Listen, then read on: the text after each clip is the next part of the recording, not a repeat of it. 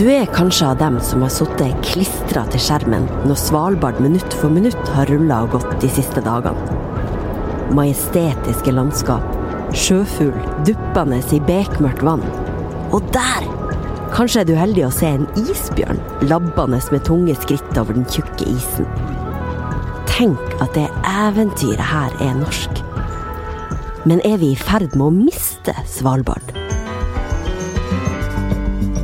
Du hører på Verdens gang. Jeg heter Nora Torp Bjørnstad. Det er 100 år siden Svalbardtraktaten. Og det er derfor NRK har hatt ni dager med sending i sneglefart langs kysten. Det er den naturen som TV-seerne har fått sett nå i, i noen dager, som er bare helt eh, fantastisk. Så er det den politiske historien. Så for oss som er interessert i historie og politikk, så er den ekstremt dramatisk og fascinerende. Og så er det det samfunnet som Longyearbyen er, som, som jeg kan si er en kombinasjon av røffhet og raushet. Per Arne Totland er forfatter av en bok om Svalbard, og har tilbrakt mye tid der. Han er av dem som er fascinert av denne øygruppa. Og Svalbard er jo ganske unikt, der det ligger, midt mellom Fastlands-Norge og Nordpolen. Her er det mange ting som er litt annerledes. Fordi mesteparten av landskapet er isbreer, så bruker man snøscooter, fly og båter for å komme seg fram. Det bor litt over 2000 mennesker på Svalbard, de fleste av dem er nordmenn, men det er også en betydelig andel russere der. Per Arne, det du har skrevet bok om er jo Svalbards politiske historie. Hvorfor er Svalbard så viktig for Norge? I dag så ser en hel verden mot Arktis. Isen smelter, og eh, ressurser blir tilgjengelige. Eh, det er et stadig økende matfat helt nord. Det er olje og gass, sannsynligvis på havbunnen. Det er mineraler som begynner å bli oppdaget. Og når isen smelter enda lenger inn i fremtiden, så får man kanskje skipstrafikk over Polhavet mellom Asia og Europa. Og midt i dette så ligger eh, Svalbard. Så ut fra et ressursperspektiv er Svalbard viktig viktig for Norge. Og i en sikkerhetspolitisk sammenheng, hvis man eh, mot formodning skulle få en konflikt med vår nabo i øst, så vil Svalbards beliggenhet være av stor betydning for Norge. Vi må ta et lite brekk der vi forklarer et begrep som er ganske så grunnleggende for alt det vi nå snakker om, nemlig Svalbardtraktaten. Den 9. februar 1920 så møttes representanter fra 14 land i Paris for å forhandle om Svalbard. Fram til da så hadde øyriket nemlig hatt status som såkalt ingenmannsland. Men Norge, som allerede hadde brukt Svalbard en god del, ville gjerne ha det. Vi kan godt si at Svalbard er Norges eneste krigsbytte, og det er fra en krig vi ikke engang var med i.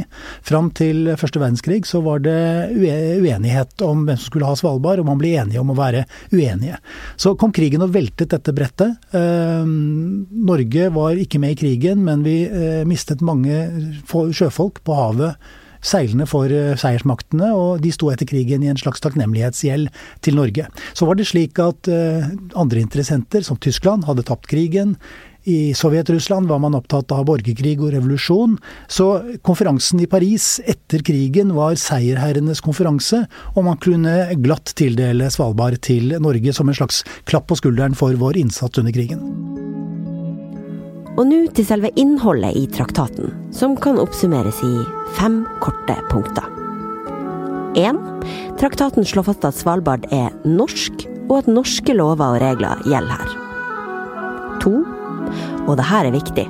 Den sier at eh, borgere og selskaper fra alle de andre landene som har signert traktaten, har lik rett til adgang og opphold på Svalbard som nordmenn har. Utlendingene skal også kunne drive fiske, fangst og andre ting de vil tjene penger på på Svalbard. Tre. Det er begrensninger på militær virksomhet.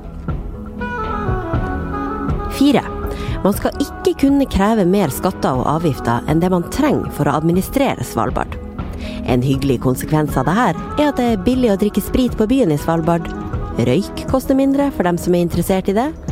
Og folk som jobber der, betaler mindre skatt. Og til slutt fem. Norge har ansvar for å ta vare på det sårbare arktiske miljøet der. Der er det 44 land for tida som har signert under på, sånn at f.eks. folk fra Den dominikanske republikk, Chile og Afghanistan har lik rett til å komme, bo og livnære seg av ressursene som finnes der. Nå er det sånn at selv om eh, traktaten er vedtatt, eh, 44 land skrev under på det, men så har det i ettertid vist seg at man er jo ikke helt enige om hva man snakker om når man sier Svalbard.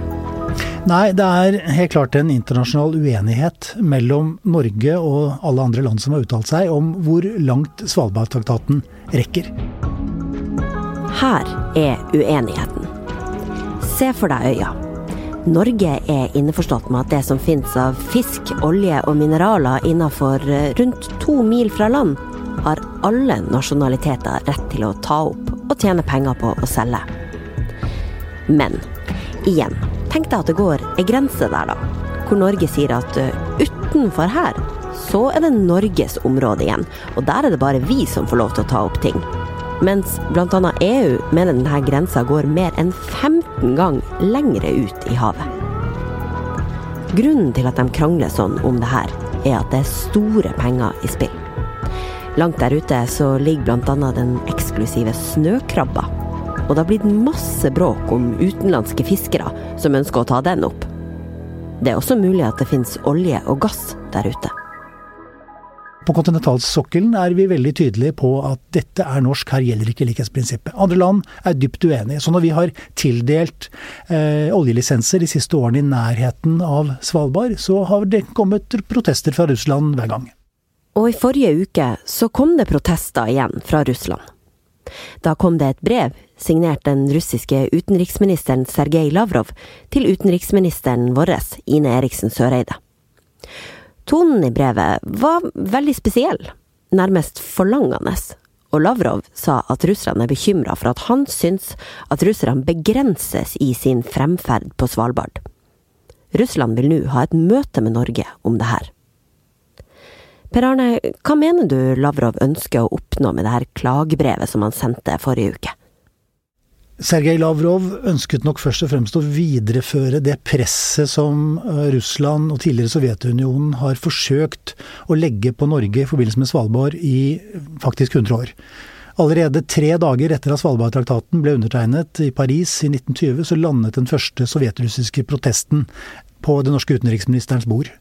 Og senere så har det kommet protest etter protest etter protest, hvor Norge beskyldes for å bryte Svalbardtraktaten. Dette gjøres nok i dag fordi Russland ser at Svalbard er det utenrikspolitiske området hvor Norge er mest sårbar, hvor vi ikke har våre allierte 100% i ryggen. Og i et internasjonalt maktspill og et propagandaspill som Russland er veldig gode på, så er eh, Svalbard et veldig godt kort å spille. Hva tror du Russland egentlig vil med Svalbard? Russland ønsker en tilstedeværelse, fordi eh, de har jo adgang til Svalbard gjennom traktaten, og det gir Russland en helt legitim tilstedeværelse i den vestlige delen av Barentshavet. Det er eh, nyttig for dem. Eh, jeg tror ikke de er interessert i å bygge opp en veldig omfattende næringsvirksomhet på Svalbard, for det vil ikke være økonomisk attraktivt for dem. Men til en viss grad så vil de gjøre det fordi det sikrer en, en russisk tilstedeværelse på Svalbard. Mm. Og så er det slik at i en, i en, militær, en sikkerhetspolitisk sammenheng, så ligger Svalbard eh, viktig til i forhold til utseilingen fra Barentshavet til Atlanteren. Fra, for den russiske nordflåten. Også i det perspektivet så er, Russland, nei, så er Svalbard da interessant for Russland. Good morning, guys. Drew Binsky here in Svalbard, the northernmost inhabited region on Earth. My buddy Johnny mm, Og det er jo allerede en betydelig russisk bosetning eh, på Svalbard. Eh, er det grunn til å tro at eh, f.eks. Barentsburg kommer til å bygges ut? Eh, det er vel en rundt 500 ukrainere og russere som bor der nå?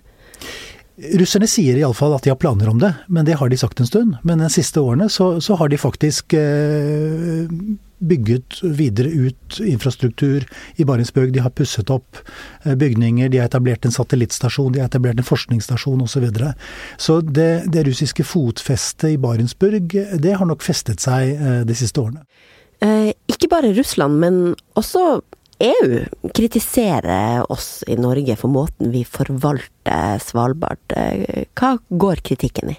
Ja, Det går på Norges eh, forståelse av eh, traktatens rekkevidde og vår praktisering av, av havretten rundt, rundt, Svalbard. som jeg sa, Norge mener at dette er, dette er norsk kontinentalsokkel, dette er norsk hav, det er norske regler som gjelder, og ikke Svalbardtraktaten. Mens EU, som da har iverksatt snøkrabbefangst i dette omstridte området, på tvers av, av norske ønsker, ønsker da å utfordre Norge på, på, vår tolkning av traktaten. Fordi det er store, store matressurser det er snakk om.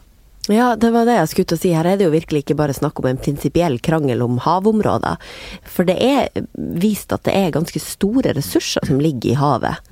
Det er store matressurser, som sagt. Snøkrabben er anslått å ha en biomasse, som det heter, altså matmengde, som er en tredjedel av torsken i Barentshavet, og det, det, er jo ganske mye mat.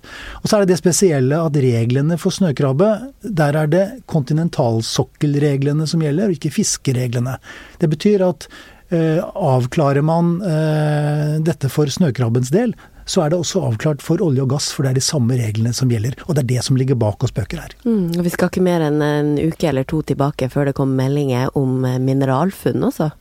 Nei, ikke sant. Så, så spillet om Svalbard og den internasjonale interessen for Svalbard tror jeg kommer til å øke. Så det å forvalte norsk svalbardpolitikk, det kommer nok til å bli enda mer krevende i tiårene fremover enn det har vært de siste hundre årene.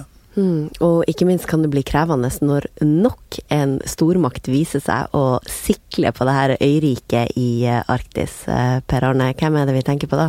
Jeg går ut fra at du tenker på Kina. Eh, og Kina har det siste året for første gang kritisert norsk forståelse av Svalbardtraktaten. Kina har aldri tidligere vært interessert i Svalbard.